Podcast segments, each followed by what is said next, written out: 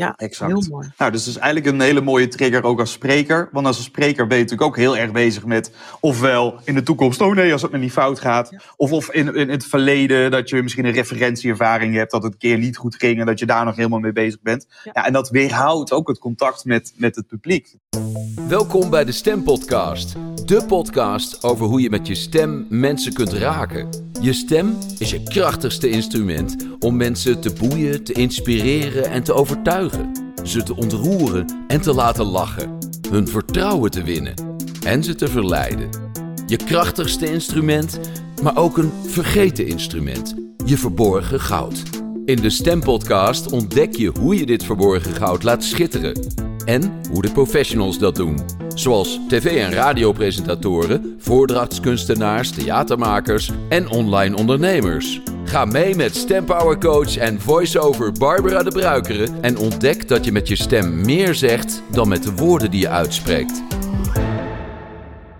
Spreken in het openbaar draait om drie dingen: connectie met jezelf, met je publiek en met je onderwerp. Dat is de conclusie van trainer, spreker en podcastmaker Glenn Vergozen na vele interviews met professionele sprekers voor zijn podcast Over Spreken gesproken. In deze aflevering van de Stempodcast gaat Glenn die drie niveaus van connectie voor ons afpellen en nog veel meer vertellen over spreken in het openbaar. Nou, Glenn, welkom in de, in de Stempodcast. Ja, Barbara, dankjewel voor de uitnodiging. Nou, heel graag gedaan. Ik heb natuurlijk ook al bij jou in de aflevering gezeten. Maar Glenn, ik wilde eerst eens wat meer weten over, over jezelf. Jij wilde acteur worden, uh, bent vervolgens trainingsacteur en consultant geworden. En bent nu podcastmaker en expert op het gebied van spreken in het openbaar. Nou, vertel eens kort hoe dat pad gegaan is.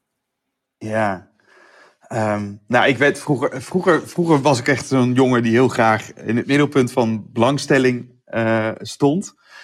Dus ik, ik, ik, ik had uh, persoonlijke helden als uh, Hans Kazan. dus ik kreeg zo'n goocheldoos voor Sinterklaas ooit. En dan ging ik allemaal die goocheltrucjes kopiëren. En toen ik in de puberteit werd ik wat rebelser. Dus toen was Hans, Hans Theeuwen mijn, mijn held. Zowel de liedjes achter de piano als zijn toch wel provocatieve sketches.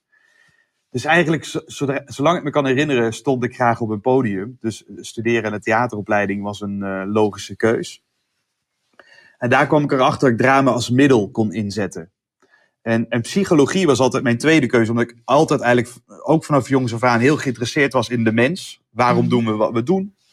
Um, dus toen ik erachter kwam dat die twee werelden te combineren waren, ja, toen viel ik van mijn geloof. En, en dacht ik, ik wil, ik wil hierin doorgaan. Dus na afloop ben ik gaan trainersacteren, zoals je dat zojuist uh, al ja. zei. Ja. En heb ik in de gehandicaptenzorg heb ik theaterwerkplaatsen opgericht uh, voor theater met mensen met een beperking. Samen met dramatherapeuten, uh, ook dramatherapie gefaciliteerd. Ja. Hè, wat gaat over emotionele en sociale vaardigheden trainen via theater. Ja. En via die route kwam ik in aanraking met persoonlijk leiderschap, met uh, persoonlijke effectiviteit, ook formeel leiding, leiderschap. En na coachings, opleidingen en heel veel uh, zelfstudie en verschillende trainingen ben ik bijna zes jaar geleden in aanraking gekomen met Franklin Covey. Ja. Het trainingsinstituut van Stephen Covey. Hè, wel bekend van de zeven eigenschappen van effectief leiderschap. En, en, en, dat, en dat boek had enorme impact op mijn leven. Dus toen ik de kans kreeg om voor dat instituut te werken, dacht ik, nou, uh, la, laten we een gok wagen. Kijken Ja. of het lukt. Ja. Nou, dat is dus nu bijna zes jaar geleden. En ik werk nu uh, dus zo lang met heel veel plezier voor, uh, voor dat instituut. En uh, ja, dus dat een beetje een soort mijn, Ja. mijn carrière in vogelvlucht.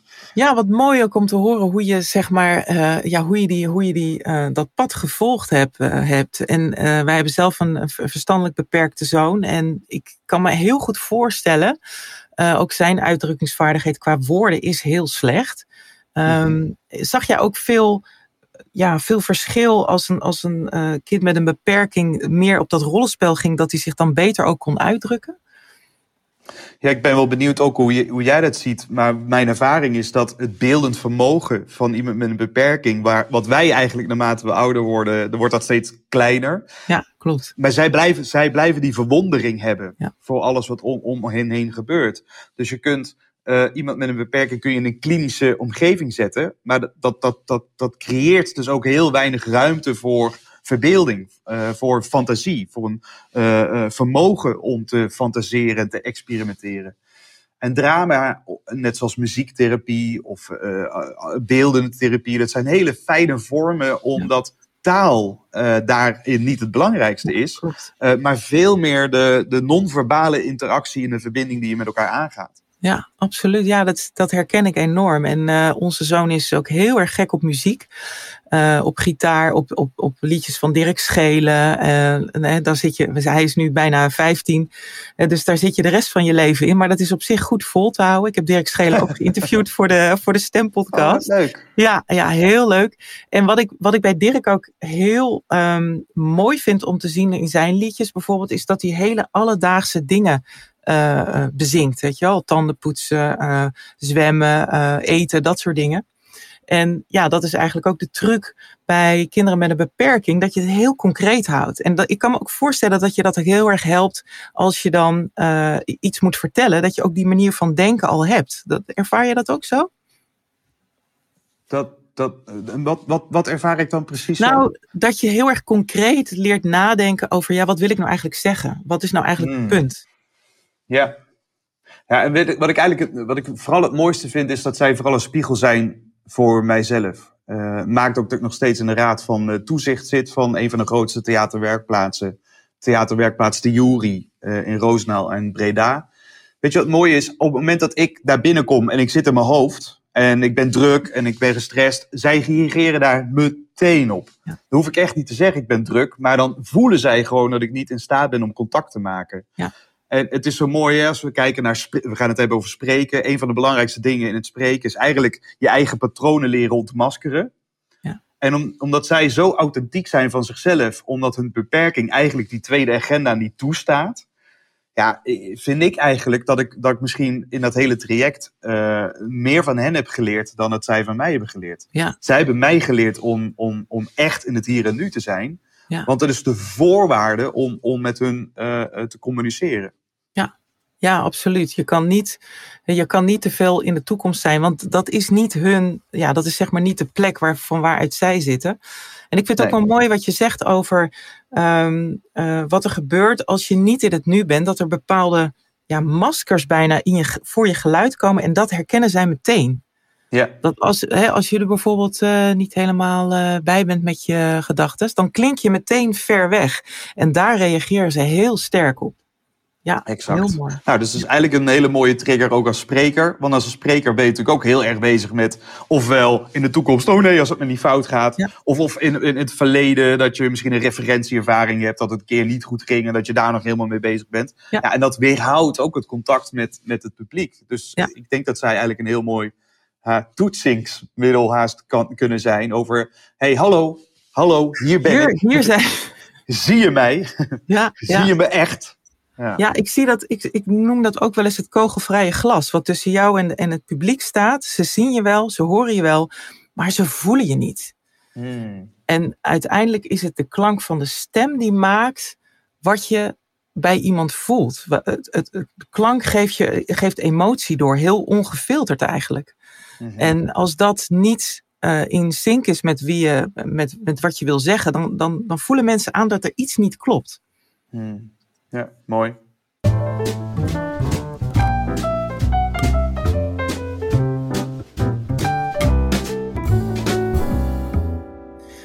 Jij, jij noemt jezelf ook wel een mislukte pessimist. En je beschouwt de shit van gisteren als de mest van morgen. Nou, dat is echt wel een tegeltje. En wat is jouw shit en wat groeit er zo uitbundig op die mest, Glenn? Oh jeetje, ja. Ehm, ja, dus, ik zeg de shit uit het verleden is de mest voor de toekomst. Dus ja, het kan, hè, dus de echte shit uit het dat gaat vaak verder dan, dan, dan gisteren. Ja. Eh, maar het is eigenlijk wel, ja, het is misschien wel een mooi bruggetje nu dat ik zelf een, een, een zusje heb gehad met een eh, verstandelijke beperking. eh, die bijna drie maanden te vroeg werd geboren. Ik was toen 2,5 jaar oud toen zij werd geboren. Haar naam is Lisa. Als zij nu geboren zou worden, zou ze op mijn handpalm passen. Zo klein was ze bij geboorte. En ze heeft bijna een jaar lang in de couveuse gelegen voordat ze naar huis toe mocht. en ehm, nou, en zij, zij was voor mij was zij het zonnetje in huis, want ze was heel veel ziek. Maar als het goed ging, dan, dan was ze ook heel vrolijk. als voorbeeld, als ik haar bijvoorbeeld een cadeautje gaf, was ze even blij met, met de verpakking dan, dan het cadeautje zelf. Want ja, ja de, de, kleuren van de verpakking en het gekraak van het papier, dat vond ze al, al heel erg uh, bijzonder. En Lisa werd, werd ziek toen ze vijf was. En, uh, en dat gebeurde wel vaker, maar in het ziekenhuis kwam er een bacteriële infectie bij. En toen was het in een week gedaan. En uh, dus dat, als het gaat over de shit uit het verleden, dan, dan is dat natuurlijk iets wat, wat mij heel erg heeft gevormd ja. uh, als jonge jongen. Uh, mijn moeder is natuurlijk het allerergste wat, wat je kan overkomen als moeder. Dat, ja. dat je eigen kind op jonge leeftijd overlijdt.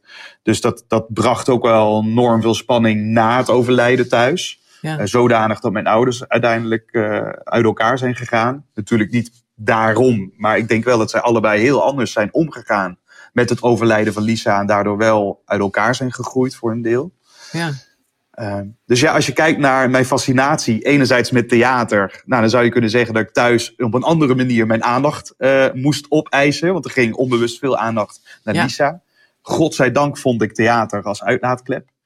En, en door, de, door, door de shit die thuis gebeurde, ook als het gaat over het overlijden en de, de depressiviteit, die, die, die ik al op jonge leeftijd leerde kennen, niet persoonlijk, maar dan in mijn uh, omgeving, ja, bracht me dat ook de nieuwsgierigheid naar de mens. Ja. En mijn behoefte om te verlichten uh, uh, en, en, en moeilijke situaties, om, daar, om dat te relativeren. Nou, zie hier, mislukt pessimist. ook ik stap natuurlijk wel eens met het verkeerde been uit bed, maar ik hou dat doorgaans nooit lang vol. Nee, wauw. Ja, ik kan me ook voorstellen dat hè, op het moment dat dat gebeurt, uh, je ouders ook nog uit elkaar. Um, ging jij bij je vader of ging je bij je moeder wonen? Hoe, hoe is dat toen verder gegaan? Uh, ik, ging bij mijn moeder, ik bleef bij mijn moeder wonen. Ik uh, ging om het weekend een weekendje naar mijn vader.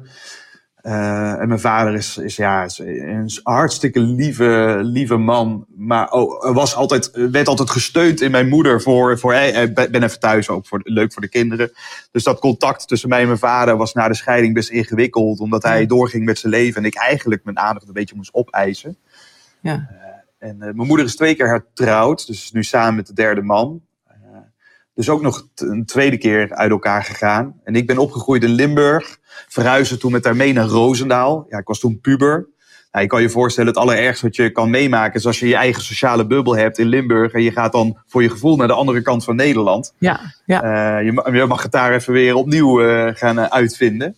Ja, ja dat was als, als, als, als jongen was dat absoluut niet gemakkelijk.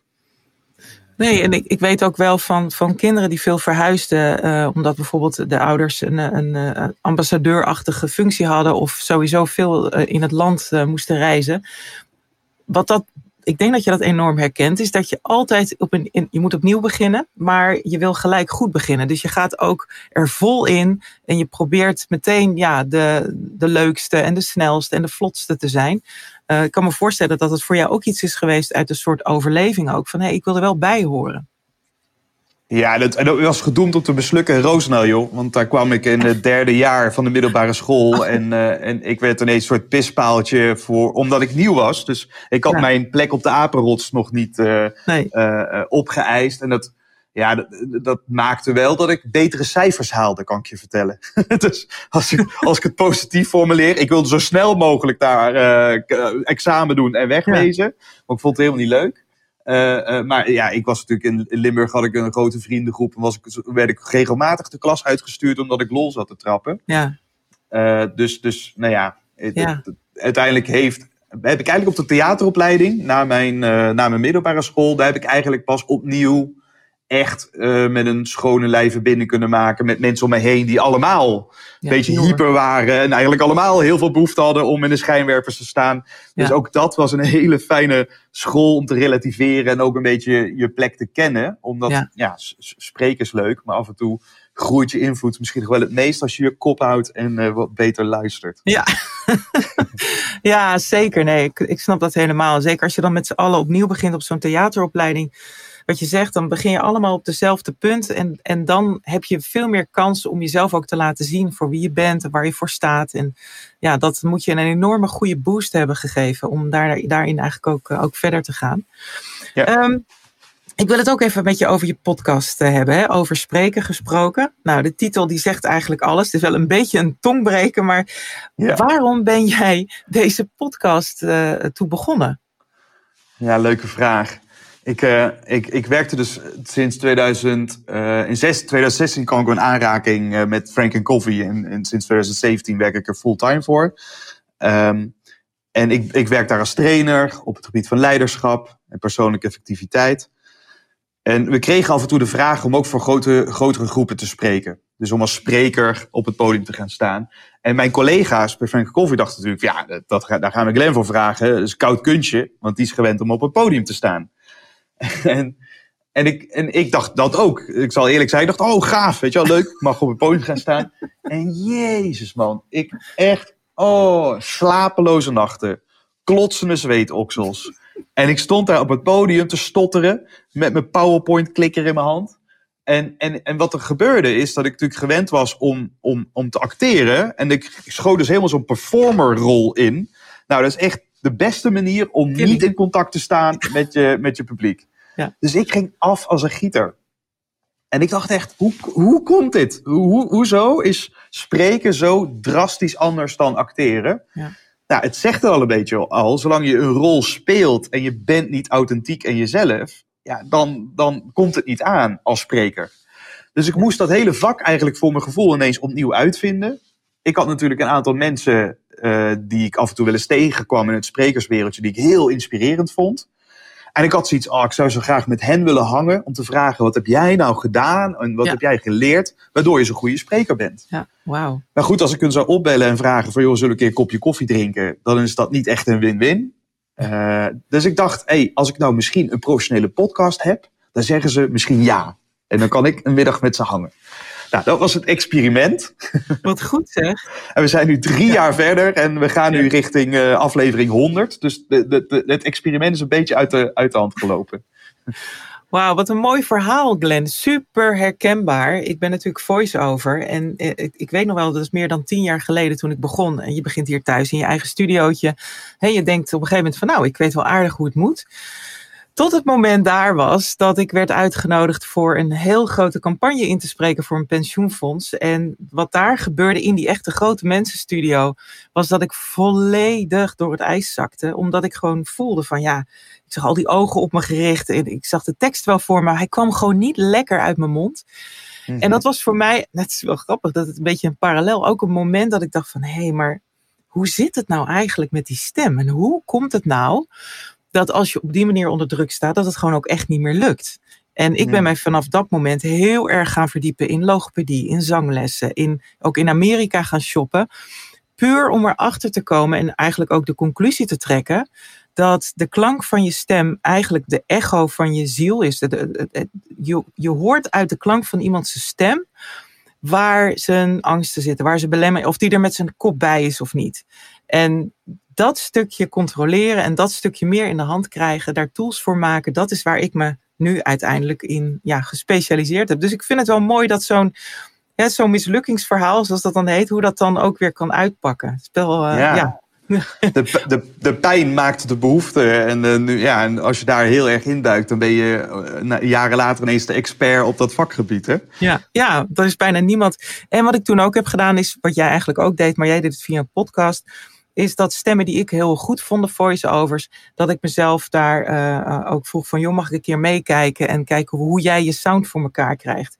En mhm. daar leer je toch ook eigenlijk het snelste van uit de praktijk, hè, door mensen daarover te bevragen. Je luistert naar de Stempodcast met Barbara de Bruikere. Hey, uit al die afleveringen van jouw podcast trek je eigenlijk de conclusie dat spreken, wat je net ook al zei, draait om connectie op drie niveaus. Hè? Met jezelf, met je publiek en met je onderwerp. Ehm, wat zeggen professionals over elk van die connectieniveaus? Dus over jezelf, publiek, onderwerp. Zijn daar nog ja, bepaalde lessen of learnings uit die je, die je zou willen delen? Ja, heb je even. Ja. wat, is, wat is de belangrijkste is het vooral met jezelf, met je publiek of vooral met je onderwerp? Wat is jouw conclusie daaruit? Um, nou, ik heb natuurlijk een drieluik gemaakt, omdat, omdat de, de kracht is om, om die drie in balans te hebben. Dus wat, wat ik, ik deed in het begin uh, is, ik, ik, ik, word, ik werd, ik, mijn coping was verbinding maken met het publiek. Zolang ik dan maar een soort van uh, stuiterbal uh, gek sta te doen en, en het publiek vindt het leuk, dan, dan, dan zal het goed zijn. Maar ik was eigenlijk helemaal niet in verbinding met mezelf. Nee. Op het moment dat je alleen maar in verbinding staat met, met, met de boodschap en niet met jezelf of het publiek, dan, dan word je die wandelende flyer of dan krijg je die dead by PowerPoint waarin de content misschien allemaal klopt, maar ja, uiteindelijk ik helemaal volgestopt word met kennis wat ik niet onthoud. Ja. Dus uiteindelijk, de drieluik is wat de kwaliteit maakt. Dus de meest effectieve sprekers, die balanceren dat uit. Nou ja, en ik, zou, ik kan natuurlijk uh, legio en tips geven per onderdeel. Dus jij moet me maar een beetje sturen of kaderen waar, uh, waar je het het liefst over wilt hebben. Nou, ik denk dat ik het eigenlijk het liefste met je over wil hebben, want ik herken enorm wat je zegt dat um, als je te veel connect met, met het publiek, dan geef je als het ware je kracht weg. En, dan, en dat hoor je meteen in je klank. Want wat er dan gebeurt, is dat je toch probeert om van, is het wel leuk wat ik doe? En dan krijg je zo'n beetje zo'n vragende, zachte ondertoon. Um, en het publiek voelt dan die druk van, oh, uh, uh, weet ze het eigenlijk wel? Of, of kan ze het eigenlijk wel? En, en zodra je dat dan weer oppikt, slaat het weer terug op je. En dan kom je in zo'n, kan je in zo'n vicieuze cirkel terechtkomen. En ja, al je zelfvertrouwen als het ware kwijt zijn. Dus ja. wat mij betreft is vooral die connectie met jezelf um, het allerbelangrijkste. Is dat ook jouw conclusie? Uh, nou ja, het eerlijke antwoord is, je hebt ze alle drie nodig. Dus als je alleen maar in verbinding hebt met jezelf, dan word je een soort Eckhart Tolle op het podium, die super zen zit te wezen, maar waar dan verder heel weinig meer uitkomt qua content en waar ook eigenlijk vrij weinig meer verbinding zit met het, met het publiek. Niet dat Eckhart Tolle dat per se doet, maar dat is nee. even een beeld, hè, dat je zo'n zenmeester een beetje verlicht ziet zitten op een berg. Ja. Ik, ik denk de behoefte om, dat, om verbinding te maken met een ander, of, of ergens een beetje geldingsdrang, of misschien toch een beetje uh, uh, aandacht, aandachtsgeilheid, maakt dat iemand op een podium gaat staan. Ja. Dus als je alleen maar verbinding hebt met, de, met jezelf, dat is fantastisch, maar dat zijn geen sprekers, omdat die niet de urgentie voelen om hun eigen ideeën en kennis over te dragen aan iemand anders. Uh, maar je kan je zeggen, ja, het is natuurlijk wel een fundament. Het is wel fundamenteel. Op het moment dat je niet in verbinding staat met jezelf, precies wat je zegt, mensen horen dat. Uh, uh, en mensen hebben spiegelneuronen. Ja. Dus ook al als ik heel erg zenuwachtig ben, ook al probeer ik dat weg te stoppen, het publiek voelt dat toch. Omdat ja. we in ons hoofd instant contact kunnen maken met ja, de gevoelsbeleving van, van een spreker. Ja. Het treurige is dat mensen dan vaak ook zitten te kijken naar een presentatie en een beetje uh, sympathie krijgen voor zo'n persoon. Dus zeggen, oh wat erg, of ha, zorg, echt, zorg, haal hem weg. Of, uh, oh, oh, Doei. oh, dat, dat, dat we eigenlijk daar zo zitten van, oh, wat, wat, dat we meevoelen met die persoon. Ja, Ja. dan sla je natuurlijk alle punten of de Ja. inhoud die je wilt overdragen, eh, sla je het niet. Ja, ja nee, Jammer. dat klopt. Ja. Maar, maar dan nog, hè, stel je dat, je dat je al die connectielevels op, op orde hebt. Hoe bezweer je dan je zenuwen? Wat, wat, wat zeggen de experts daarover? Hoe gaan zij daarmee om? Ja, hoe, hoe om te gaan met, uh, met, Ja. met, met, met, met de fear of public speaking. Ja, precies. Uh, wat ik heel belangrijk, persoonlijk heel belangrijk vind, is, uh, is, is, is de mindset die we hebben, de perceptie die we hebben van zenuwen. Ik geloof namelijk dat uh, zenuwen nooit te voorkomen zijn, maar je kunt ze wel managen. Maar vaak ontstaat er al een soort van angst, terwijl dat, die angst eigenlijk nog niet gegrond is. Dus met andere woorden, ik heb twee weken voorafgaand aan een keynote, voel ik al die angst. Terwijl dat is dus niet reële angst. Nee. Want ik sta nog niet op dat podium. Ik, er is niks om bang voor te zijn. En het is dus interessant om te kijken, is dit een reële angst of is het een niet reële angst? En, uh, en er is zo'n zo uh, een dame, even kijken, ik, ik kan haar wel even noemen, die noem ik vaker. Uh, zij heet Kelly McGonigal. Mm-hmm. En zij heeft een TED-talk, The Upside of Stress. En zij zegt dus dat stress, een gezonde mate van stress, is heel, heel effectief om scherp te zijn. Om ja. gefocust te zijn. Om, om gevat te worden. Om helemaal oké okay te zijn met, met het hier en nu.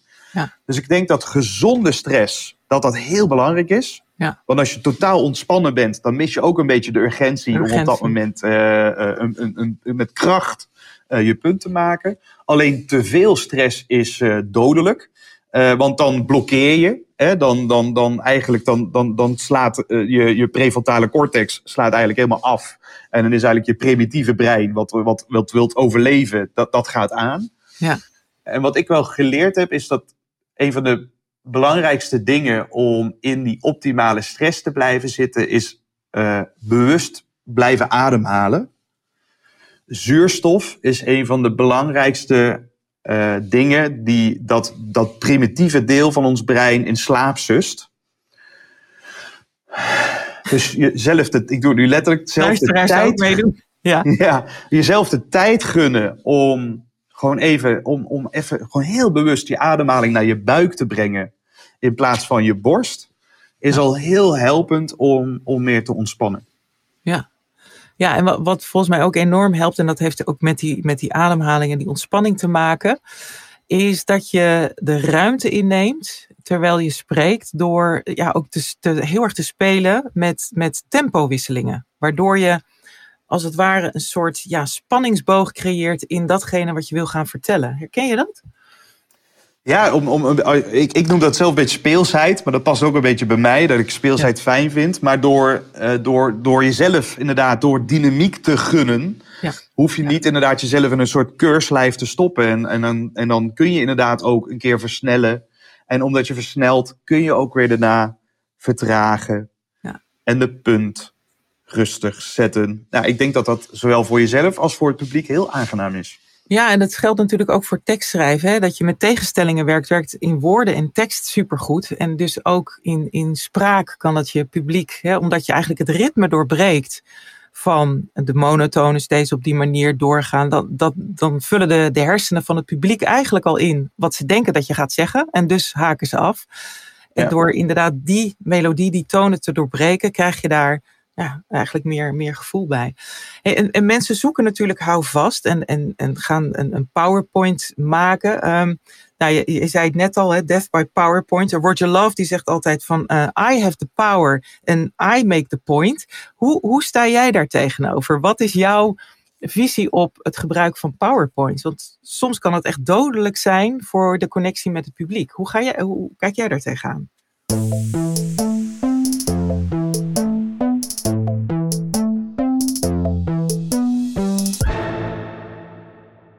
Ik denk dat het een middel is wat, wat in potentie heel erg kan ondersteunen. Er zijn een aantal sprekers die, uh, die echt fel tegen PowerPoint zijn. Uh, ik, ben, ik ben niet zo'n persoon. Ik denk dat uh, zeker in zakelijke presentaties je ook niet altijd ontkomt om, om een PowerPoint te gebruiken. maar het, het, het, het, woord zegt het al, hè? Het, is, het stelt je in staat om, om je punt krachtig, PowerPoint, ja. te maken. Dat betekent dus dat uh, het is prima ook PowerPoint om te beginnen in PowerPoint om je verhaal te structureren. Maar het is goed om te snappen dat de PowerPoint is niet de presentatie. Jij bent de presentatie. En een experiment wat ik graag doe als sprekersregisseur is als mensen PowerPoint hebben, dan, dan trek ik voordat ze beginnen, trek ik ineens de stekker uit de laptop. Zeg ik, oh, stel je voor, technische hiccup. Uh, je PowerPoint valt weg. Uh, ja, je zal het nu toch zonder moeten doen. Ja. ja, wat blijft er dan over? En ik denk dat een hele goede spreker een fantastisch, uh, verhaal, vast, fantastisch verhaal kan vertellen zonder PowerPoint. Uh, als we kijken naar de beste speeches ter wereld, die hadden geen PowerPoint. Uh, en op het moment dat dat al staat, ja, dan is, wordt PowerPoint of het gebruiken van slides wordt dan een bonus. In plaats van dat het noodzakelijk is om je verhaal over te brengen. Ja, wat, wat, wat, jij zegt van uh, dan haal je, haal je de stekker eruit. Dus vertel het eens in je eigen, eigen woorden. Dan leer, je, dan leer je dat stukje improviseren. Um, wat is daarvan het, het, de, de sleutel? Wat is daarvan belangrijk als je gaat improviseren? Uh, wat ik altijd zeg is dat je je comfortabel moet voelen in het oncomfortabele. Um, je moet een beetje onthecht zijn. Hoe, hoe is dat voor jou? Wat, wat, wat is jouw uh, idee daarover? Dus de, de, wat, wat is belangrijk bij improviseren? Ja, ja. Dat, waaraan kan je je vasthouden als je geen houvast hebt voor je gevoel? Hmm. Misschien doe ik het nu al een beetje. Uh, ik denk dat de eerste stap is om oké okay te zijn met wat er komt. En -hmm. alles wat er komt, dat dat oké okay is. En wat ik daarmee bedoel is dat nu, wat ik net, jij stelt me een vraag. Ik, ik, ik heb even tijd nodig om te denken, wat wil ik daar eigenlijk over zeggen? Dus ik hou mijn mond. Ik haal even adem. Dus ik gebruik zuurstof om, om in die ontspanning te blijven. En, en dat zul jij misschien ook wel herkennen als, als, als stemcoach. Dat soms de mooiste toon die je publiek kunt gunnen, is stilte. En volgens mij zei Miles Davis, uh, beroemde jazzmuzikant, die zei: uh, the, the, beauty of the music is in the notes you don't play. Ja. It's in between the notes. Dus het is de stilte die je hebt tussen de verschillende woorden, wat maakt dat een tekst of een presentatie gaat leven. En dat vind ik dus zo waardevol om andere mensen te trainen. Is dat wat er gebeurt als we gespannen zijn. En zeker als we gaan improviseren. Is dat we die stilte gaan vullen met uh, een a, een u. En daarmee dood je eigenlijk de, de anticipatie of de spanning van wat je zegt. Ik weet niet, ik kan dat kort illustreren met een, met een voorbeeldje. Is dat leuk, Barbara? Ja, even... ja zeker, zeker, ja. ja dus, dus stel je voor, ik zeg tegen het publiek van ja, stel je voor, je zou alles vergeten van wat ik nu vertel. Als je maar dat ene ding onthoudt. En dat ene ding is... Uh, en als dan dat ene ding komt, dan kill ik eigenlijk de hele spanning rondom dat ene ding. Maar als ik nu zou zeggen, stel je voor je vergeet alles. Als je maar dat ene ding onthoudt. En dat ene ding is... En dan heb je nu die stilte, maakt de spanning. Ja. En als ik dan mijn punt ga maken na die stilte, maar als ik die stilte dus ook durf te omarmen, dan gun ik mezelf en tijd om na te denken. En ik gun het publiek de, het vermogen om, om helemaal op een puntje van het stoel te zitten en te willen horen wat ik daarna zeg. Ja. De enige kanttekening is wel dat je een punt moet hebben. Hè? na, die, na die opbouw. Je moet wel ergens naartoe werken. Ja, dat is, dat is eigenlijk wat ik bedoel. Um, be comfortable in the uncomfortable. Dus ja. durf ook, uh, wat ik net zei over pauzes, durf die ook te pakken en je ruimte daardoor ook in te nemen. En wat het fijne is van pauze, het is voor jezelf fijn, maar het geeft ook het publiek de kans om te verwerken wat je eigenlijk gezegd hebt. Exact, ja, dat is heel belangrijk. Ja. En, en dat vergeet je wel eens als je op het podium staat. Zij weten niet wat jij weet. Mm En als je te veel spreekt vanuit um, de kennis, dus vanuit, vanuit je hoofd, het kennis overdragen, dan overspoel je vaak het publiek met zoveel kennis dat het vervolgens pff, helemaal weg, wegvalt. En ja. Um, wat, wat, wat ik heel erg merk met improviseren, is dat je heel goed beseft, niet zozeer wat jij wil vertellen, maar wat moet het publiek echt horen om de kern te begrijpen van datgene wat je zegt. Mm En daarin dus ook je pauzes te laten vallen en het publiek ook de kans te geven om nou ja, daarover na te denken. Ja, ja, er zijn meerdere sprekers die tips gaven in de Over Sprekersproken podcast. En één daarvan is, is wat is je million dollar phrase? En dat vond ik zelf een hele toffe. Dat stel je voor dat iedereen letterlijk alles vergeet van je presentatie, maar, maar ze onthouden maar één zin. Wat is dan die ene zin uh, die ze moeten onthouden?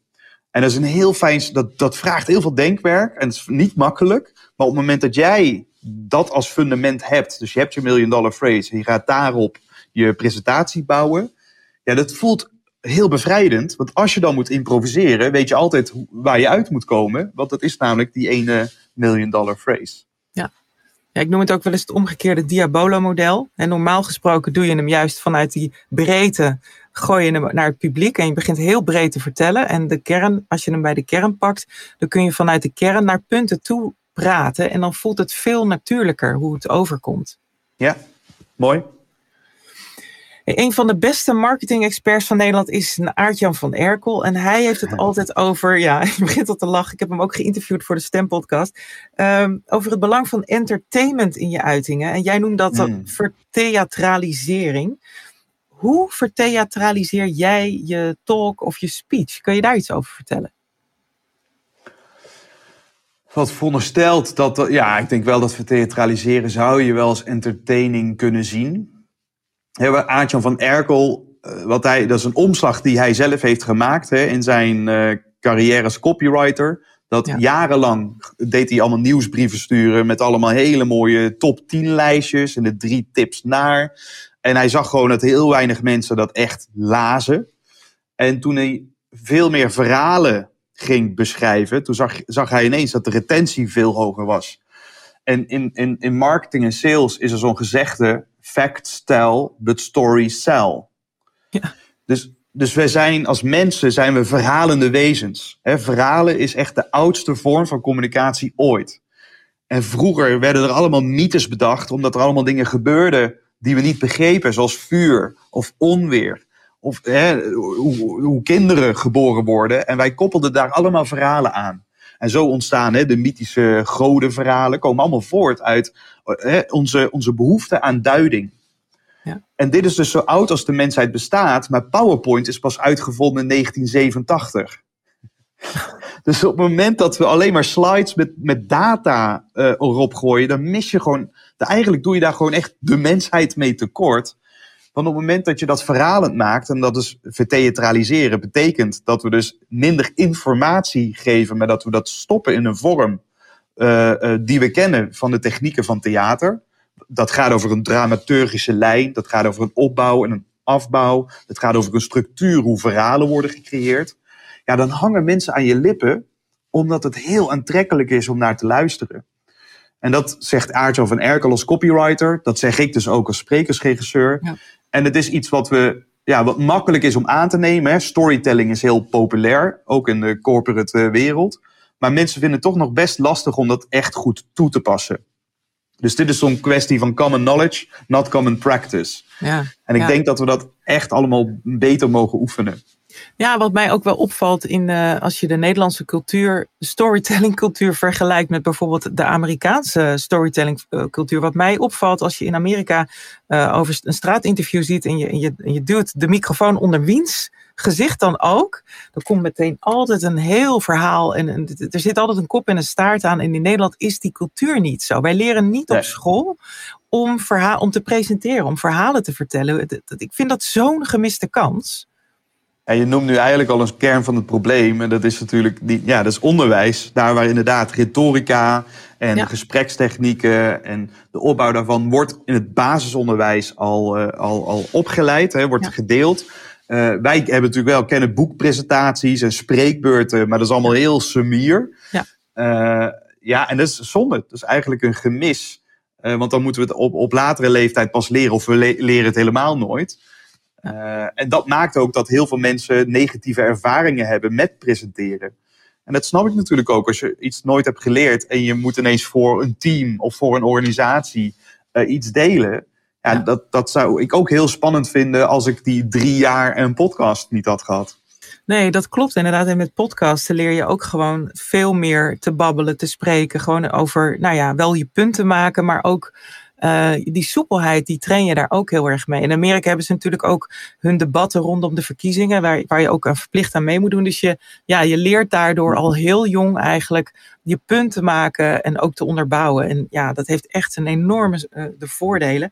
Ehm, waar, waar, wat ik me ook heel goed kan voorstellen is als je, als je, in, je in je speech een grap wil maken of een, een point wil maken. ehm, wat is het geheim om een goede point, om een goede grap te maken? Heb jij daar, eh, heb jij daar geheimen voor? Wanneer is een grap geslaagd? En wanneer wordt die, pff, valt die als het ware neer? Jeetje, eh dat is een goede vraag daar waar ik natuurlijk geen, ik ben geen eh, comedy expert. Eh, Nee. je zou eigenlijk een eh, cabaretier eh, die vraag moeten stellen. Maar wat Ja. ik ervan weet, is dat timing is essentieel. Ja.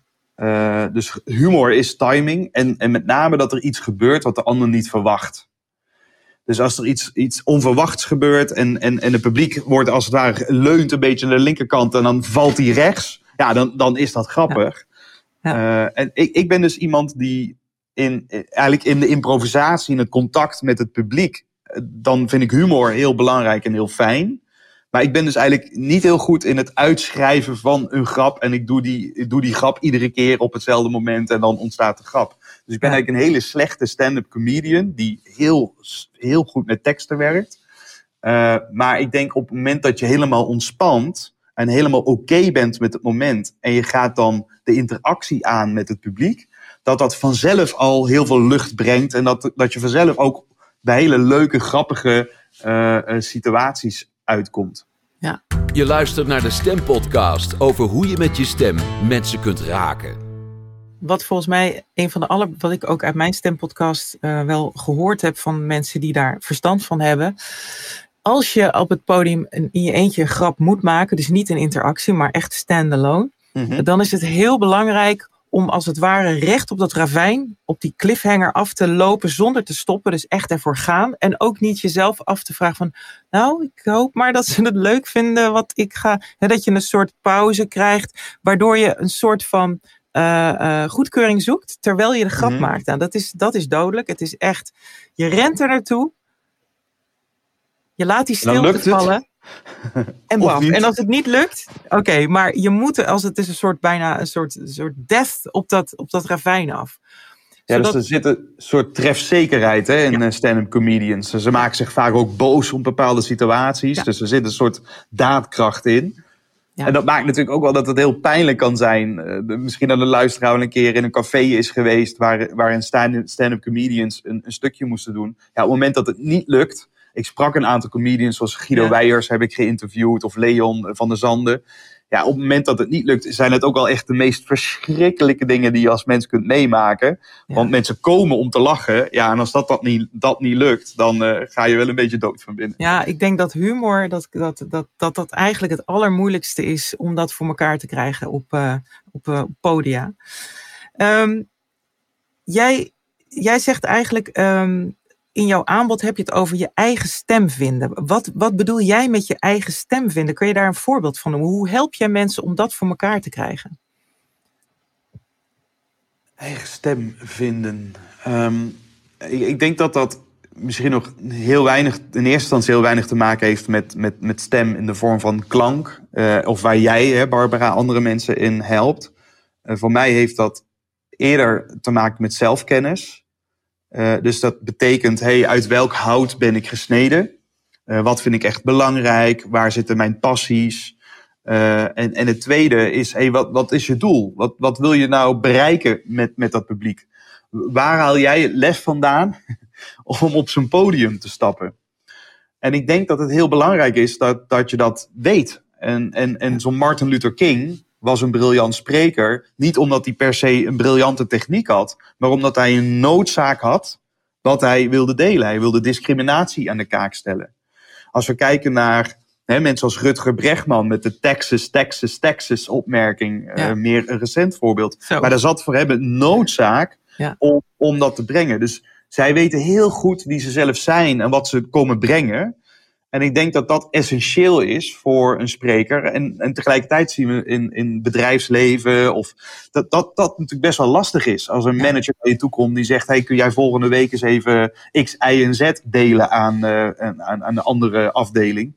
Ja, op het moment dat we dat niet geïnternaliseerd hebben en zolang ik zelf geen enkele passie voel voor dit onderwerp, dan wordt het heel moeilijk om dan andere mensen wel enthousiast te maken ja. over dat ja. onderwerp. Ja, en dan zit je toch ook weer op, op de klank die dat wel of niet overbrengt. Hè? Als het, als het ja. niet echt is, dan pik, je dat, dan pik je dat gelijk op. Dan is het de en, toon die de muziek maakt, inderdaad. Ja, ja precies. Ja, absoluut. En uh, wat mij betreft is, is klank en de manier waarop je spreekt ook een onderdeel van je hele gedrag. Het is eigenlijk een onderdeel van je gedragspatroon. En wat mij betreft ligt de basis van waarom je nu klinkt zoals je klinkt heel erg in, um, in je vroege jeugd. Hè? Wat, wat zijn, uit wat voor een cultuur kom je? Hoe ben je opgegroeid? Ben je opgevoed?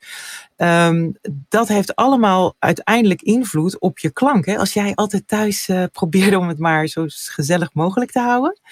Hè, als je dan niet uitkijkt, dan, dan praat je als je dertig bent, praat je nog steeds op die manier en probeer je toch altijd naar de zin te maken, waardoor mm -hmm. de klank niet meer overeenstemt met de volwassen vrouw die je op dat moment bent. En hmm. dan gaat het dus tegen je werken. Want dan word je niet serieus genomen of word, word je niet gehoord zoals je zou willen. En om dat stuk zeg maar te onderzoeken hoe dat dan bij jou zit, daarvoor moet je echt een reis maken naar je allervroegste jeugd. En daarin zit het geheim van wat is nou je echte eigen stem? Want al die, uh, uh, die patronen die je vormt, die zijn vaak ook bedoeld of eigenlijk ingezet door je onderbewustzijn om je bijvoorbeeld te beschermen. In, Mhm. in het gezin was het veilig om te zorgen dat iedereen het naar hun zin had. Maar ja, als je dan 30 jaar later bent, is dat stukje niet meer nodig. Maar hoe kom je dan hè, van dat geluid af, van, dat, van die klank? Ja, en, en, ja, en, en ik, ik hoor wat je zegt. En tegelijkertijd denk ik ook, ja, misschien dat toch ook die lotsbepaling van vroeger. Op het moment dat we daar liefdevol naar durven te kijken, dat daar ook een kracht rust. Met andere woorden, ja, misschien was ik nooit op het podium terechtgekomen als ik mijn dingen uit het verleden niet heb meegemaakt. Dus ik, ik heb juist een soort entertaining stem ontwikkeld door de shit uit het verleden. Dat vormt dus nu de mest voor de toekomst. Maar Ja. we hoeven natuurlijk niet allemaal hele overtuigende sprekers te zijn. En, en, en in sommige gevallen denk ik dat nou ja, misschien de verstilling die hoorzaam is in, in iemands stem, een, een hele mooie vaardigheid is als coach. Wanneer dat je juist veel meer eh, een luisterhouding hebt en hier en daar een hele zachte, maar eh, goede vraag eh, durft te stellen. Ja. Dus ik geloof ook wel dat, dat er een plek is voor ons allen. En, en dat misschien een van de belangrijkste dingen die we kunnen doen, dat heb ik dan. We hadden het in de voorbespreking over mijn keynote, die ik een paar dagen geleden voor het eerst eh, heb gedeeld. Heel spannend. Eh, maar een van de laatste zinnen die ik daarin zeg is: hoe kun je van je lot je plot maken?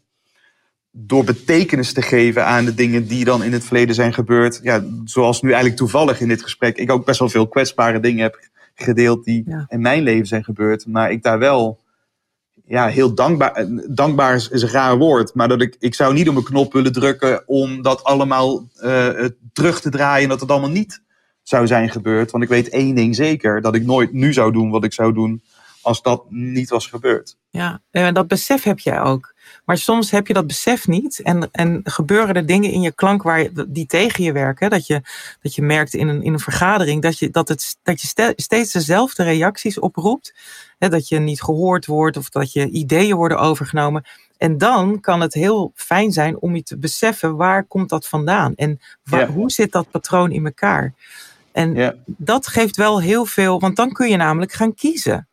Dan Ja, kun je eens. ervoor kiezen om wel of niet nou ja, op een bepaalde manier te spreken. Maar daarvoor moet je wel de oorzaak goed, goed voor ogen hebben. ja dat vraagt, vraagt allereerst acceptatie, inderdaad. Ja. En dat komt pas als we bewust worden waar, wat we te accepteren hebben dan. Dus dat ben ik helemaal met je eens. Ja. En je schrijft ergens op je website dat spreken een ambacht is. Iedereen kan het leren. Nou, je hebt natuurlijk verschillende scholen. Ehm, de ene is het volstampen met, met trucjes, hè, dat je alles van buiten naar binnen eh, leert. Ehm, ik zit dus meer vanuit de, de mindset eh, benadering. Waar zit jij in dat spectrum? Hoe, hoe, hoe zit jij daar? Kijk jij daarnaar? Ja, ik ben zeker ook van eh, de benadering van binnen naar buiten. en niet van buiten naar binnen. Dus ik geloof dat iedere vorm van gedragsverandering duurzaam is. Wanneer dat, dat, wanneer dat daar een intrinsieke motivatie Ja. zit. Eh, en ik denk dat dat heel belangrijk is. En op het moment dat die intrinsieke motivatie er wel is, dat betekent dat er, eh, dat er vuur zit, dat er een bepaalde passie zit.